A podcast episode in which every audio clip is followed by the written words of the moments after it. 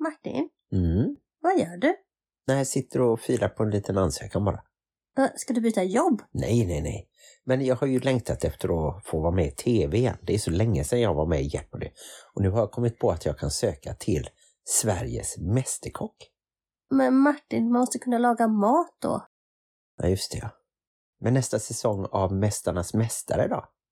Ja, fast då måste du ha varit mästare i någonting. Nu kom jag på det. Gift vid första ögonkastet. Men Martin! Don't tell me that your life is dull and grey. My only answer is hey, hey, hey, hey. Let's go crazy in the wild, and if by chance we make a child, that just means that we're alive and healthy. Hej och välkomna till avsnitt 236 av Bonuspappan och Plus mamman, vilken dramatisk paus du gjorde där Martin. Den kommer att klippas bort. Men då kommer ju min kommentar vara helt oförståelig. Ja, men så är det med mycket du säger i podden. Jag tycker du har alldeles för mycket makt. Ja, du får gärna ta över klippningen. Men våran podd är i alla fall en podd om livet i en bonusfamilj med tyngdpunkt på föräldraskap och relationer. Och vi sänder i samarbete med Hallands Nyheter, dagstidningen i Varberg och Falkenberg med omnejd. En tidning som Martin också har alldeles för mycket makt i. Nej, jag bestämmer lite över nöjessidan bara. Ja, men det är ju det som livet går ut på, nöje. Och har man makten över nöjet så har man makten över livet. Ja, kanske. Livet ska vara ett nöje, även om man bor i bonusfamilj, höll jag på att säga. Hur som helst så läser man tidningen både i pappersform som man gjorde back in the old days, men även på webben www.hn.se. Just det, och i det här avsnittet så har vi inte någon annan gäst än oss själva. Det säga en Martins andra alter ego. Den är sura gubben. Jaha. Nej, men han är inte med nu. Däremot så är Tilde de Paula med i bokform skulle vi kunna säga. Hon är med i anden. Mm. Hon är the holy ghost av bonusfamiljsskribenter. Hon har ju skrivit Gummimammor, Plastpappor och Bonusbarn. Världens kortaste titel på en bok. och det var väl ganska länge sedan som den skrevs. Ja, Jag vet inte ens hur hennes familjestatus är nu. Har du kollat upp det?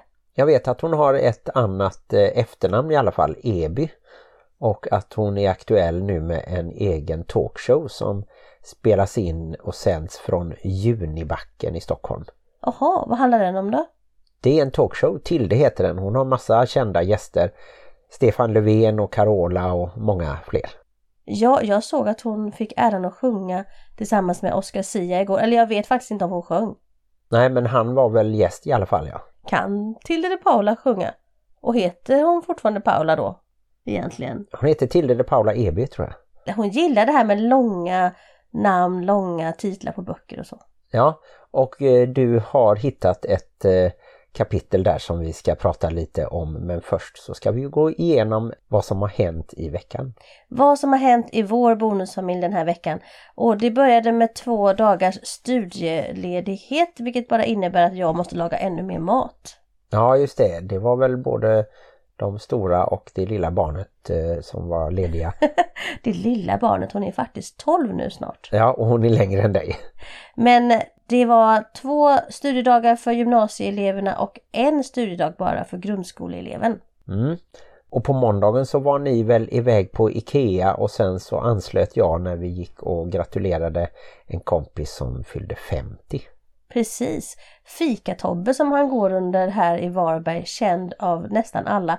Och han har en väldigt speciell lägenhet. Eller själva lägenheten kanske inte är så fruktansvärt speciell, men hur han har inrett den. Det är foton och saker och prylar på riktigt och bokstavligen från golv till tak. Och det är på något sätt samtidigt organiserat kaos. Det är väldigt fascinerande. Ja, det är många olika samlingar av eh, skivor och eh, ukulele och eh, som sagt pärlplattor. Och, ja. Ja, man kan inte se en enda bit av själva lägenheten egentligen.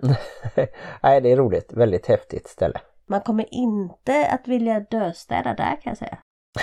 Nej, och vi hoppas att han eh, lever i 50 år till. Ja, minst. Var det förra veckan som eh, Dagny dog?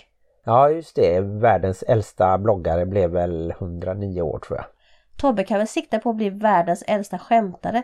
Han har ju en sån liten kedja där han skickar ut skämt varje dag och det tycker jag är bra för att om en dag ändå innehåller ett litet humoristiskt inslag, då ska man ändå vara glad över den dagen tycker jag. Mm. Det som inte var så trevligt var ju att på onsdagen så kräktes Helle, 12-åringen. Ja, var det på onsdagen? Ja just det, för hon var hemma i, från skolan sen torsdag, fredag. Och jag har märkt att jag blir så dålig mamma när mina barn kräks. För jag tycker det är så fruktansvärt äckligt. Och då skickar du dit mig. Jag är oftast, eller det är egentligen inte så, jag är ganska smygig, så jag bara försvinner iväg. Du märker liksom inte ens att jag försvinner och så står du där och blir tvungen att ta hand om det bara. Ja, men det får man bita ihop. Det är sånt som händer. Nu senast så har vi ju även haft en hund som har kräkts eh, tyvärr lite för många gånger. Just nu sover han men han hade ingen matlust och eh, mådde allmänt dåligt så honom har vi under uppsikt. Ja, så det har varit en ganska äcklig vecka och det är samma sak där när hunden kräks. Så plötsligt bara försvinner jag in i väggen och ingen vet var jag tog vägen. Men Martin har kämpat på bra, det får jag tacka dig för. Tack själv. Du har inte haft något val men jag tackar dig ändå. Ja, just det. Förutom detta så hälsade ju vårt utflyttade barn, alltså ditt utflyttade bonusbarn, mitt utflyttade biologiska barn, Saga på i lördags. Men innan dess så fick ju du göra en liten annan äcklig utryckning. Jag vet inte hur vi ska formulera det här. Det var ju så att det hände en sak i Sagas nya lägenhet och biologiska pappan vägrade och då fick ju bonuspappan hoppa in. Ja, det var väl också i lördags eh, på förmiddagen där som det hade blivit stopp i toaletten. Ett skitjobb kan man säga. Ja, och, eh, men det löste sig kan man säga. Hemskt inte vi själva, ja, mm, Ja, nej, vi går inte för mycket in på det tycker jag, men jag tycker att du gjorde en bra insats. Och även där så tog jag med rollen som moraliskt stöd. ja, men det behövs också.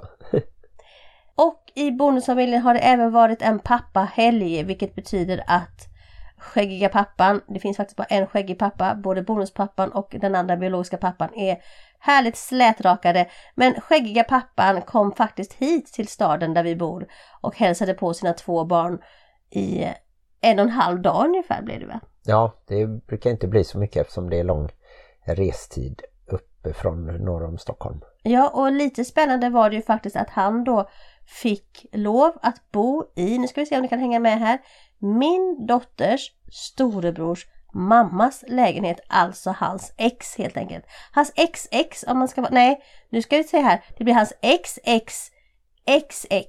Efter henne så har det varit du och ytterligare två och nu är det väl ingen just nu.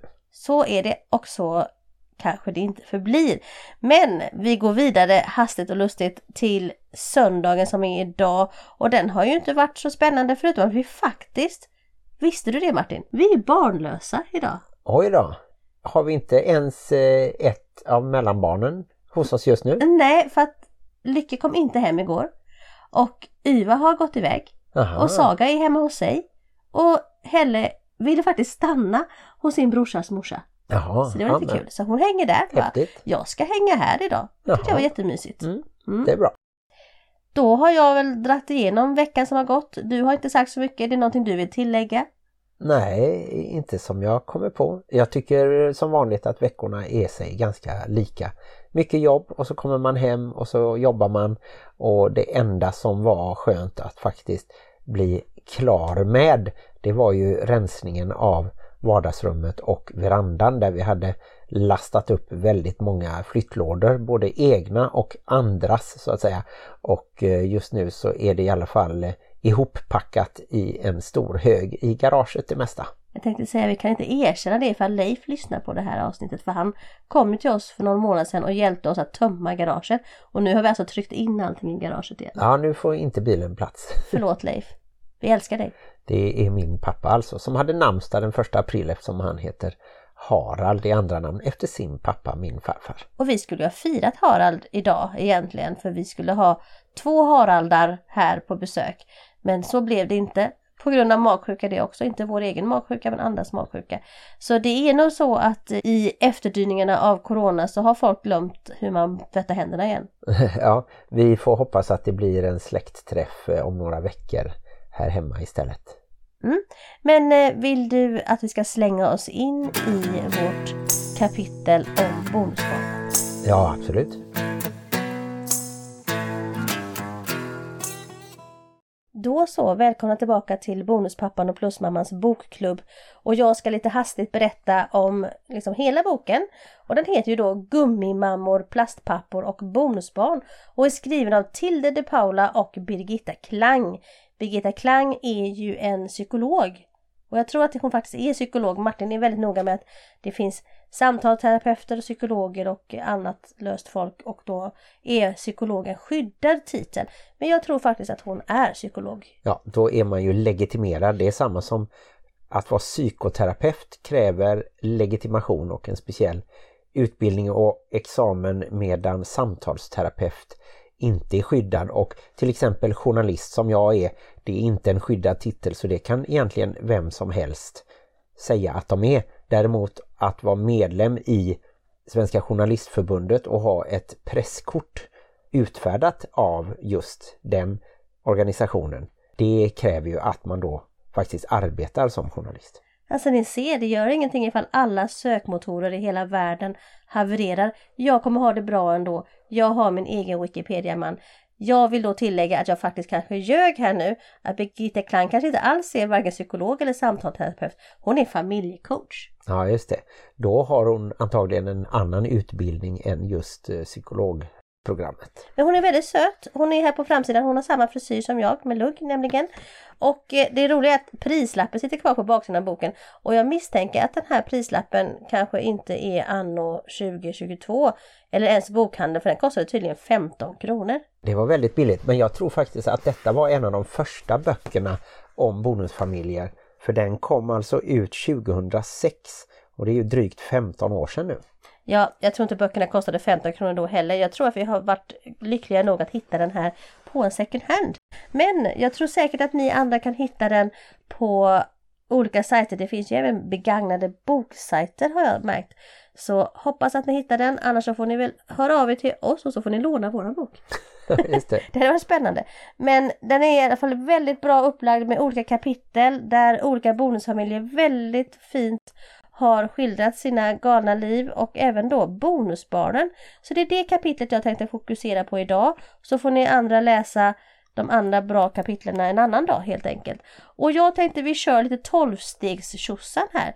Jag har ju läst Livsstegen av Olle Karlsson där han beskriver hur man kan få ett bättre liv enligt tolvstegstraditionen som då ursprungligen kom från anonyma alkoholister. Så nu är det anonyma bonusfamiljer här.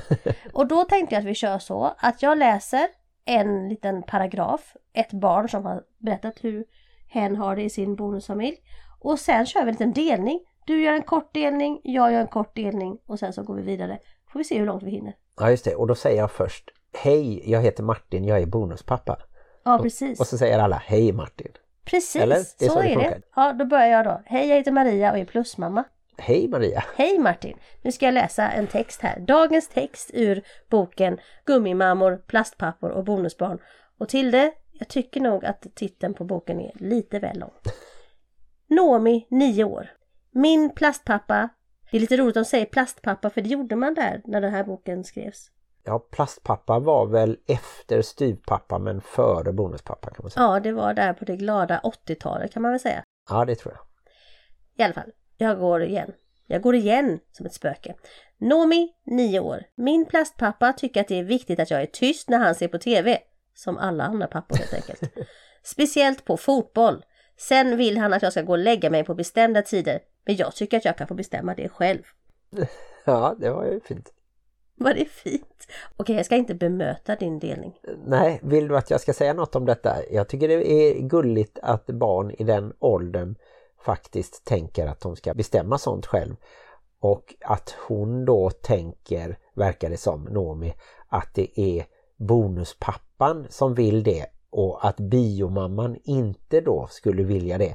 Men jag tror ju att de har bestämt det och att hennes biologiska mamma också skulle be henne gå och lägga sig på bestämda tider. Men det är alltid skönt att ha någon som man kan rikta sin ilska mot och då är det ju bättre att rikta den på någon annan än sin kära mamma tycker jag.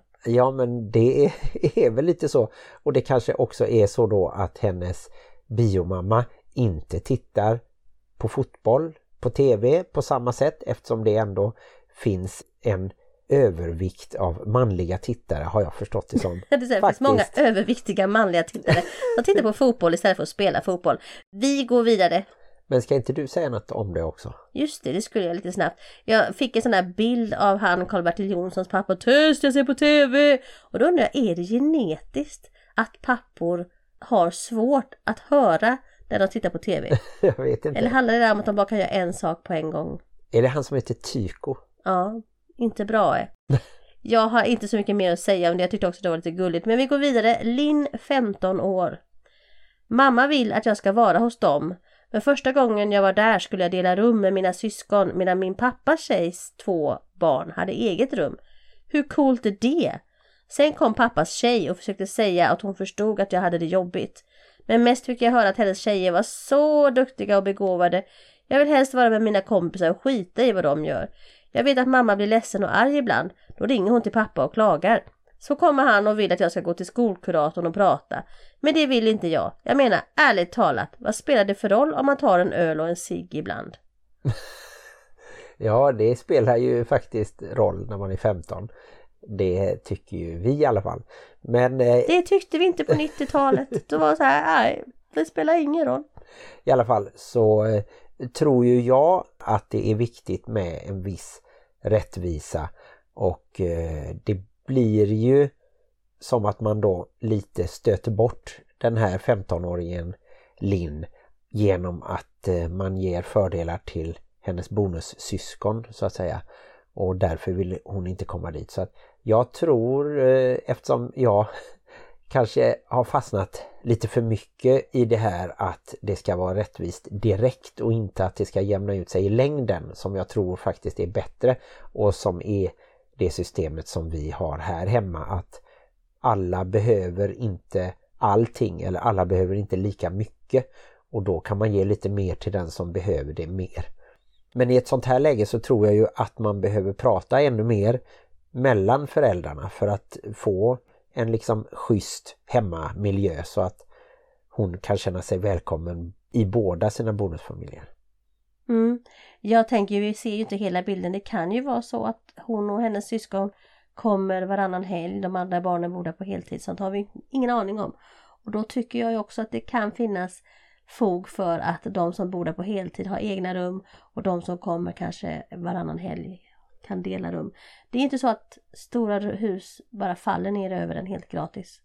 Nej och som sagt eh, man kan ju försöka hitta lösningar genom att dela av rum på olika sätt eller som vi gjorde som vi har sagt förut att vi använde vardagsrummet som ett sovrum till äldsta barnet. Mm. Jag går vidare här. Isak 7 år. Då går vi neråt i åldern igen. Han säger Jag bor mest hos mamma för pappa jobbar så mycket. Ibland blir jag ledsen för att jag längtar efter pappa. Men då säger mamma att jag kan ringa och prata med honom på mobilen. Min mamma har en ny kille som heter Jesper. Han är lite rolig för han tror nog att jag är yngre än vad jag är. Han tycker att vi ska gå ut och leka i sandlådan. Men sånt gör jag inte längre. Jag är för stor för det. Jag tycker mer om att leka med monstergubbar. ja men eh, där eh, tror jag ändå att de har något eh, positivt och att den här Jesper då i alla fall försöker och kanske tar initiativ till att leka med sin bonusson och, och är lite rolig och sådär eller men att han då samtidigt inte har den här känslan för att det kan svänga väldigt snabbt. På bara några månader så kan ett barn tycka att det som barnet gjorde alldeles nyligen är jättetöntigt och barnsligt och det händer väl mycket där i 6-7 års åldern också med att man blir en egen liten person och har lite trots och ska gå sin egen väg och börja forma sin personlighet. Men jag håller tummarna för att eh, Jesper då ska även kunna leka med monstergubbar med sin bonusson. Jag tänker lite här utifrån vår egen familj så träffade ju du mitt yngsta barn när hon var knappt fem år eller hon skulle fylla fem och nu är hon ju tolv. Vad innebär det för dig den här åldersskillnaden? Det är ingen åldersskillnad, man kan ta en åldersskillnad på sig själv. Nej, jag kan tycka att eh, eftersom jag har varit med så länge så har jag ändå kunnat eh, märka att den förändringen eller förvandlingen kanske man kan säga till och med har ändå skett gradvis så att jag har kunnat hänga med. Jag har inte blivit så överraskad som med ett av de andra barnen då.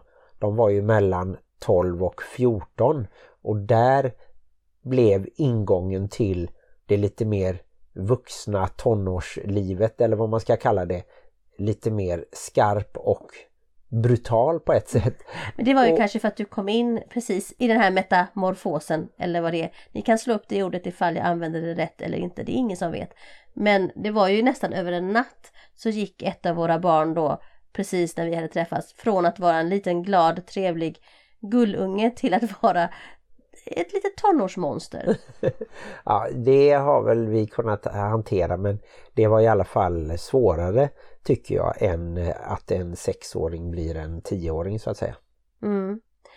Jag eh, tänker att eh, det kan vara svårt även för biologiska föräldrar att hänga med när ens barn växer upp. Jag var ju ganska chockad här för några veckor sedan när mitt barn flyttade hemifrån. Jag var, jag var så inställd på att jag liksom fortfarande är småbarnsmamma. Mm. Men så kan jag säga, nej det är jag inte. Men Amanda fem år, hon tycker inte om sin nya mamma. Ska nej. du få höra här nu, ska jag läsa vidare. Mm. Amanda fem år, jag tycker inte om min nya mamma. Hon tycker jag ska gå och lägga mig tidigt när jag är hos dem. Förut låg pappa bredvid mig när jag skulle somna och berättade sagor. Ja, spontant är ju då att eh, man kan börja med till exempel att båda ligger och berättar sagor, både pappa och bonusmamma och att de kanske turas om att läsa lite. Och har bonusmamman lite känsla och kan göra lite roliga röster till exempel eller så så kanske bonusmamman sen någon gång får gå själv och läsa och ligga lite bredvid och att de kanske inte ändrar så att man ska lägga sig tidigare utan att man kan ha kvar samma rutiner men bara liksom fasa in bonusmamman lite så som jag tycker att du gjorde att jag fick ta hand om. Och det har vi väl tjatat hål i huvudet på er om även om det kanske var ett tag sedan men jag fick ta hand om läggningen av minstingen som fyllde sex år precis innan vi flyttade ihop och jag fick ju även hjälpa till mycket på morgonen innan skolan och fixa med frukost och kläder och lite sådär sånt som hon förstås klarar själv nu. Men det gjorde tycker jag att vi fick en viss närhet och eh, lärde känna varandra ganska snabbt på ett tidigt stadium. Mm. Jag menar inte att låta skeptisk där men eh, jag tänker att det är jättemycket beroende på barnet. Det hade varit taskigt av mig om jag hade tvingat Helle att lyssna på dina sagor för hon hatade det. Men hon var ju ganska Martin Struct från början och tyckte att det var roligt att du läste sagor och så och då backade jag ganska rejält för att jag tänkte att det här är ju bra läge att de kan bonda lite och så. Jag är ju väldigt bra på att läsa sagor tycker jag ju själv. Ja men det är du faktiskt. Du är bra på att hitta på saker som inte är sanna. Mm. Nej, nu ska inte jag dra in vår relation i den här relationspodden. Jag tänkte säga det att det är, verkar vara en stor grej för det här med bonusbarn och att deras bonusföräldrar berättar för dem när de ska gå och lägga sig. Och jag tror att det kan ha att göra med att när man lever själv med barnen Alltså kanske inte om man går direkt från en till en annan men om man har en period däremellan där man lever ensam då kan det nog vara så att man inte är riktigt lika strikt med läggtider och sånt. Jag tror att det infaller sig igen när man är två. Då tänker man nu ska det bli ordning och reda och nu ska vi hålla på läggtider och mattider och allt sånt. När man lever själv så säger man äh, men alla kan sova i sängen och vi kan väl sitta upp och titta på Let's Dance till klockan 11 eller vad det nu är. Och, jag tror att det kan bli så och då blir det ju ganska skarp kontrast till då när det kommer in en annan person och de kanske inte får sova i sängen längre och de kanske behöver gå och lägga sig tidigt. Så jag förstår var det kommer ifrån. Mm. Jo men det har jag ju eh, hört hur Helle med glädje minns när ni sov i samma säng under den perioden när du var singel och sen att Helle blev lite sur att eh, hon var tvungen att flytta ut ur ditt sovrum så att säga när jag hälsade på innan vi flyttade ihop och så. Ja, så kan det nog vara hos många tror jag. Johan, 14 år, lite äldre nu då. Mamma har en ny kille som heter Staffan. Staffan och min mamma ska ha en ny unge. Jag förstår inte varför. Jag har ju två systrar. Staffan har redan två egna tjejer som är 10 och 12 år gamla. Vi bråkar mycket för Staffan tycker att han kan bestämma lika mycket över mig som mamma. Om jag gör något dumt så säger han till mig mer än sina egna barn. Mamma säger ingenting för hon är så kär i sin nya kille. Jag väntar bara på att fylla 18 så att jag kan flytta hemifrån. Mm. Ja, det tror jag också är vanligt och att eh, Staffan har för snabbt kommit in i den här eh, gränssättande eller uppfostrande rollen då och det kanske jag gjorde också men eh, jag tycker ändå att vi hade en period där som jag bara fick vara snäll, extra vuxen på något sätt. Vi brukar ju säga att 2016 var hela bonusfamiljens smekmånad. Ja just det, det var ju då vi flyttade ihop och eh, det blev ju en stor förändring för alla faktiskt att eh, bo ihop då varannan vecka och att jag fanns med så mycket. Men jag funderar lite på om eh, bonuspappan Staffan skulle kunna backa lite där och att kanske Johan också skulle prata med sin mamma och berätta hur han känner och då skulle hon kanske kunna inse det att hon får ta den rollen ett tag till och så får Staffan chilla lite och framförallt så tycker ju Johan att det blir orättvist mot bonussyskonen då som är Staffans biologiska barn. Sen det här med att skaffa ytterligare ett barn till som då skulle bli den ombildade familjens sjätte barn. Det är klart att det är väl ovanligt att i en kärnfamilj ha sex barn till exempel. Och det blir ju lite stökigt men eh, det får man ju bara respektera både som utomstående och som barn i en familj om två personer gärna vill då ha ett gemensamt biologiskt barn. Jag kom på här så här halvvägs in i detta avsnitt att det hade varit kul om vi hade som vänt oss till barnet i det här fallet. Nu pratar vi mycket om hur bonusföräldrarna och de biologiska föräldrarna ska agera men om, man liksom hade, om du hade pratat med Johan 14 år, vad hade du sagt till honom? Oj, nej men jag tror jag hade sagt det att eh, han får försöka se det som att Staffan faktiskt vill hjälpa till och vill att det ska vara bra i familjen och att han inte säger till Johan för att liksom vara taskig eller så utan för att han tror att det är positivt i längden. Men eh, jag förstår ju Johans reaktion för återigen det här lite med rättvisa och sen då att det är svårt när det kommer in någon ny som inte har varit med kanske så länge och som ska ta den rollen som normalt sett en vårdnadshavare har. Jag kan inte känna igen det här riktigt som vi nu har läst i två olika utsagor att jag som bonusförälder skulle vara mer sträng mot mitt bonusbarn. Så jag tänker att det kanske handlar lite om det här med att man ser saker från olika håll.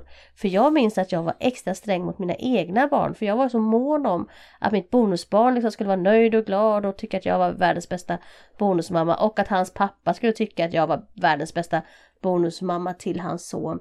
Så att ibland så var det mycket så här, ah, men låt honom ha den, men ge honom den och, att jag sa till mina egna barn väldigt mycket mer än jag sa till mitt bonusbarn. Ja just det och då hur de kände beror ju lite på hur deras dåvarande bonuspappa agerade. De hatade det. De hatade sitt bonussyskon för att jag behandlade dem olika. Så att jag känner att jag gjorde fel. Men jag känner ju att jag gjorde fel åt det andra hållet helt ja, enkelt. Det. Ja, nej, men jag tror ju att alla ombildade familjer har sina egna berg att bestiga och det är nog varken bra åt det ena eller andra hållet just där. Mina barn hade ju den fördelen att de var tre så de var ju en enhet. Så det spelade egentligen ingen roll hur mycket jag särbehandlade Kevin då som mitt bonusbarn hette och försökte liksom göra det jättebra för honom. För han upplevde nog hela tiden att han var ensam. Att de var tre emot honom. Ja just det och sen så kom ju Helle som gemensamt barn där så att alla fick Helle som syster. Men det är klart att det tar ju ändå tid innan Kevin liksom blir riktigt ihopsvetsad. Men det är vi ju glada för idag att han har kontakt. Just nu träffar han Helle och eh, många vardagar så tränar han ju ihop med Lycke till exempel. Ja, det är jag faktiskt jätteglad för. Det gläder mitt bonusmammahjärta och även mitt mammahjärta. Men vi går vidare här till näst sista och det här är Samira, 10 år. Min pappa kommer från Libanon och min mamma från Sverige. De har skilt sig och jag bor hos min mamma. Hon har träffat en ny kille från Turkiet och jag har fått en lilla syster som heter Jasmin. Hon är jättesöt. Min styrpappa bryr sig bara om henne Mig skäller han bara på. Jag duger bara när jag ska passa min lilla syster. Min pappa har flyttat tillbaka till Libanon. Jag skulle vilja flytta till honom. Ja, det måste ju vara jobbigt när någon flyttar så långt bort. Där ligger ju vi verkligen i lä så att säga eller heller då som har sin biologiska pappa 50 mil bort. Det är ju ändå möjligt att eh, åka upp en helg i månaden. Men eh, Libanon då blir det ju bara att de träffas någon enstaka gång per år kanske. Och att bara prata i telefon till exempel väger ju inte upp. Och eh, nej, tråkigt att höra då att eh, bonuspappan verkar vara tuffare mot henne och, och bry sig mer om lilla systern där. Men eh, det får man väl hoppas att det går att lösa också. Men är inte det klassiskt? Man tänker det kommer en liten oskyldig eh, varelse så blir man så överbeskyddande och tänker att för det kan jag minnas när jag fick vårt gemensamma barn i min förra relation. Då hade ju min sambo en son sedan tidigare och jag hade tre barn sedan tidigare. Och så kom det en till och jag kan faktiskt minnas att jag jätteofta sa men var försiktig och, och gör inte det och gör inte det till min bonusson. Och jag får väl be om ursäkt för det så här i efterhand men det är någon slags modersinstinkt som slår till och det här är fallet då kanske någon slags pappainstinkt och man tycker att det barnet är så mycket större. Nu när jag tänker tillbaka när Helle föddes då var Kevin fyra. Han var ju en liten plutt. Mm. Jag skulle liksom bara ha kramat honom jätte jättemycket mer. Så lite dåligt samvete på mig där och med rätta så borde jag ha förstått att Även om någon blir stora syskon så blir det inte automatiskt en vuxen människa för det. Och jag tror att jag med många andra kanske bonusföräldrar inte riktigt inser det att våra bonusbarn inte är så gamla som vi tror. Man kan säga, ja men han är ju sex år, han borde klara det där. Ja fast han är sex år och just nu klarar han inte det. Och då är det det som är grejen. Ja och egentligen ska väl en tioåring kanske inte passa en tvååring. I alla fall inte ensam hemma och, och själv så. Men det är klart att man kan sitta bredvid sitt lilla syskon ett tag och hålla koll så. Men att som tioåring få ansvar för att passa ett mindre syskon, det kanske är lite tidigt också. Det kan jag ju också tycka faktiskt. Men vi går vidare till en lite äldre flicka som heter Angelica och är 19 år. Jag var 11 år när mina föräldrar skilde sig. Från början var jag varannan vecka hos min mamma och varannan hos min pappa. När jag var 13 år träffade pappa en tjej som hade två barn som då var 14 och 15 år gamla. De bodde hela tiden hos pappa och hans sambo. För mig var det jättejobbigt, för jag märkte ju att det blev annorlunda när jag kom dit. Jag kände mig som en inkräktare. De levde ju vardagsliv medan jag kom på besök varannan vecka. Jag fick bo i deras gästrum och kände mig som en gäst hos min egen pappa. När jag var 15 valde jag själv att bo mest hos min mamma och idag känner jag att jag har en dålig relation med min pappa. Så mitt råd till alla föräldrar, glöm inte de barn ni har när ni skapar nya relationer. Mm. Där tror jag också att många känner igen sig. Och det är ju alltid tråkigt om det går så långt att en relation mellan en förälder och ett barn blir lite permanent försvagat så att eh, man bor väldigt mycket hos en förälder och tappar kontakten med den andra och så. För då tappar man ju också lite kontakt kanske med en del av de nya syskonen då. Om det är bonussyskon eller halvsyskon. Så det tycker jag nog eh, att det är ett bra råd som Angelica ger här. Att man inte ska bara glömma den gamla familjen och satsa på den nya det är nog lätt hänt att man går in i det både med en förälskelse och sen om det då kommer en ny liten bebis som automatiskt kräver väldigt mycket tid och uppmärksamhet. Eller som här då barn som bor på heltid. Ja absolut. Så att eh, nej, för oss har det ju faktiskt varit barnen som har styrt lite var de vill bo och det har varit både varannan vecka och ibland varannan dag. Och sen har det varit då för de två äldsta har det varit mycket heltid hos oss. Och för den yngsta fanns det ju inget alternativ egentligen än heltid hos oss också då. Mm. Jag tänker att det är ju en väldigt speciell grej det här när du träffar andras barn mer än du träffar ditt eget barn. Jag vet att det är en liten mindfuck i, för jag har haft det så ibland. När jag träffade faktiskt Kevin mer än jag träffade Lycke. Och jag kände att vi gled ifrån lite där och att det är klart att vi har tagit igen det nu när han har bott här heltid. Och jag har inte träffat Kevin nästan alls. Nej. Men eh, jag tror att det är lätt till att man som går all in och liksom lever då det här vardagslivet som Angelica beskriver. Och sen då när det andra barnet kommer så tänker man att den då ska bara ingå på något sätt fast den då känner sig som en gäst. Plus att man då kanske inte heller kan favorisera den och säga men nu går jag och min dotter på bio. Vilket jag faktiskt tycker att man kan göra. Jag tycker man kan göra det men jag tror att många kanske tycker att det är orättvist, då ska vi alla göra någonting. Men jag skulle vilja ge det som förslag så här i efterhand, det kan vi inte göra, men att den här pappan hade faktiskt tagit lite mer tid för Angelica när hon väl kom. Eftersom han har så mycket tid med de andra, alla de andra dagarna i veckan. Ja men till exempel att gå ut och göra något roligt bara med det äldsta syskonet då. Så att eh, hon eller han får känna sig lite speciell just den dagen. Och även det här med att man då inte ska kanske tvinga någon att flytta iväg till något gästrum eller så som också gör att man känner sig mer som gäst och att jaha, oj nu kommer de här nya bonussyskonen eller oj nu föds det ett nytt barn och, och då ska det det ha det bästa. igen. Man kanske Ja. inte har fler rum. Nej absolut, jo. Jag, Det kan ju vara så att du får sova det. på en soffa. Jag vet ju att Helle ibland får ju sova på en soffa när hon hälsar på sin pappa. Ja just det, där är det lite mindre och det är väl lite den anledningen till att våra två äldsta valde att bo heltid här också för att de hade egna rum och det var inte på samma sätt riktigt hos deras biologiska pappa. Nej, så det var inte så att de tyckte bättre om oss på något sätt. De tyckte bara bättre om att ha eget rum helt enkelt. Det var en del i det, helt klart. Ja, då tänkte jag att vi skulle avsluta den här lilla sessionen av Bokhörnan med Bonuspappan och Plusmamman. Är ni intresserade av att läsa mer av den här boken så hette den alltså Gummimammor, plastpappor och bonusbarn skriven av Tilde de Paula och Birgitta Klang som då inte alls var psykolog utan var familjecoach. Ninna, ninna, ninna, na, ninna, Det är ingen som förstår det där, Martin. Alla som lyssnar på vår podd är unga och fräscha. Boktipset!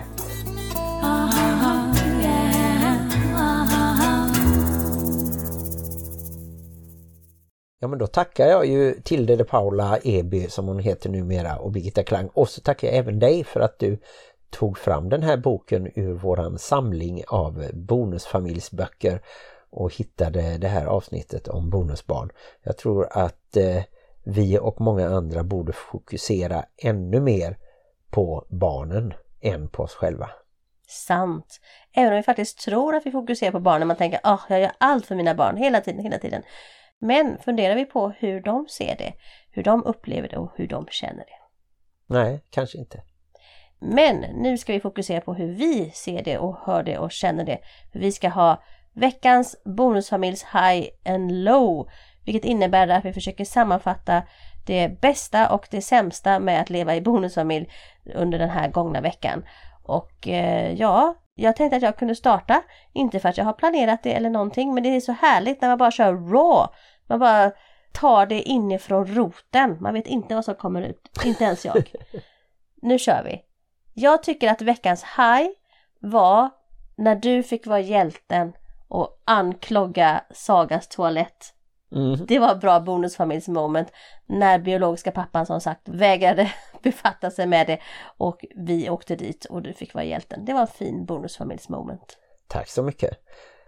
Jag tycker att det har varit denna veckan lite sjukdom på olika sätt. Jag är glad för att du mår mycket bättre i foten och jag nu i efterhand är glad att eh, det inte var så farligt med Helle trots att hon då kräktes lite och så. Magsjukan har inte spridit sig. Och så en annan lite relaterad sak där som jag tycker att vi löste bra var ju med Lyckes kostym som han ska ha både när han tar studenten och när vi ska på bröllop. Det gick väldigt smidigt, han hittade bra grejer. Det blev inte våldsamt dyrt och biopappan swishade sin halva utan att vi behövde påminna. Men har du funderat på där när du åkte och köpte kostym med Lycke till hans student hur det kändes för den biologiska pappan? Jag tänker om det hade varit tvärtom. Om någon bonusmamma till mina barn hade åkt iväg och köpt typ bröllopsklänning till någon av mina döttrar. Då hade jag ju gått i taket. Ja, jag har faktiskt inte tänkt jättemycket på det. Jag tycker att vi hela tiden har en slags öppenhet och att eh, han när som helst kan komma in och hjälpa sina barn eller styra över det och hade han varit intresserad så hade ju han och Lycke redan köpt kostym för länge sedan på något sätt. Men, Låt den rätte komma in. nej men jag tror att han lämnar liksom över det till oss och så har han en liten friare roll och så i hans liv så kanske han just nu fokuserar på att jobba mycket och träna mycket och sen så har han inte lika mycket med barnen att göra med tanke på att han har tre barn och träffar mest ett. Han har blivit den roliga biologiska pappan. Man brukar ju prata om att man som bonusförälder kan välja lite att ja, men jag kan vara den roliga vuxna eller den roliga bonuspappan. Så har han valt att vara den roliga biologiska pappan. Ja men det hänger väl ihop lite med det här att barnen bor heltid hos oss att han kan ta lite roliga punktinsatser kanske och så får vi ha det här tuffa jobbet med och prata framtid och eh, lite sådär. Ja. Det där sa Men, eh, Martin helt utan bitterhet. Nej då. jag kan vara bitter också men jag är glad att jag fick eh, förmånen att vara med. För det var väldigt roligt att eh, se Lycke när han hittade en lite mer klarblå kostym som eh, passar i många sammanhang. Så han kommer se jättesnygg ut. Jag känner att jag är lite partisk eller opartisk eller någonting är jag. För jag hade nog inte haft någonting emot ifall det hade varit så att du hade varit och handlat brudklänning tillsammans med någon av barnen. Då hade jag bara tyckt det var gulligt. Men om någon bonusmamma till något av mina barn skulle få för sig att åka iväg och köpa bröllopsklänning utan mig, då hade jag blivit redigt förbannad. Ja, du sa ju brudklänning, då lät det som att något av barnen skulle gifta sig. Men Ja. du menar till eh, Nej, jag Amanda menar det. Bröllop. Jag tänkte långt fram i framtiden. Det finns ju inte ens någon bonusmamma just nu. Nej, just det. Nej, men ifall i framtiden det hade varit så att det fanns en bonusmamma och den bonusmamma så är jag liksom arg på en fiktiv, kanske icke någonsin existerande person. Spännande. så mycket känslor har jag runt det här. Men var det din haj då när du var och köpte kostym med Lycke? Ja, och så får jag väl ha en low, eh, jag vet inte, jag har inget enskilt eh, moment så här men dels så är jag ju lite orolig för våran lilla valp eftersom det är första gången på ett år som han verkar vara lite sjuk, inte vill äta och kräks mycket och sådär men vi hoppas att han eh, ska fortsätta att pigna till. Nu senast när jag var ute och promenerade med honom så var han i stort sett som vanligt. Och sen är ju det också så de här andra sjukdomarna påverkar ju familjen på olika sätt. Och då har jag väl kanske lite mindre tålamod och att jag behöver lägga mer tid på det. Då blir jag stressad över annat eftersom jag känner att jag inte har några riktiga luckor i mitt schema. Så att det är väl både inne i min skalle och ute i verkligheten som det krockar lite ibland. Men jag har ingen sån där tydlig enskild händelse. Men jag tänkte att din low kunde vara när du fick torka spya. För jag tänker att det är väl en riktig low att behöva torka spya från någon som inte är ens eget biologiska barn. Nej men hon hade prickat bra i hinken så att det var mer att skölja ut hinken och, och Jag lite ställde så. fram den hinken. Ja men då så, då Så var jag det ju ett gjorde ändå en samarbete. insats, jag var inte en helt dålig mamma. Nej då. Ska jag peta in en low nu då i bonusfamiljen? Jag tycker att det var en low att släktträffen blev inställd så jag inte fick träffa Kevin som då är min före detta bonusson. Och han träffar jag ju inte helt naturligt så jättemycket. Jag får bara höra talas om honom när min son träffar honom med jämna mellanrum. Men det fick vara min low då, att jag inte fick träffa honom som jag skulle fått gjort idag. Jag träffade ju honom eh, lite kort i fredags Ja, jag bara gnid salt i såren. Och, Gör eh, det, gör det. Jag kan bara säga att han är som vanligt, han är fortfarande lång och han har fortfarande keps. I mitt huvud så är han fortfarande lille Kevin som gärna satt under mina kjolar och smekte mina ben när jag hade nylonstrumpor på mig. Han tyckte det var så skönt och lent. Ja, Ja. Det är Kevin för mig. Hade han suttit under mina kjolar nu så hade det sett lite konstigt ut. ja precis. Och därmed tror jag att vi ska gå vidare och, Med den bilden på era näthinnor Ja. så går vi nu vidare. och så eh, tackar vi för att ni har varit med oss i ännu ett avsnitt. Vi kör vidare här och ser fram emot ett femårsjubileum och eh, även snart ett eh, 250 avsnittsjubileum. Även om vi egentligen har gjort över 270 avsnitt så blir ju det 250 ordinarie.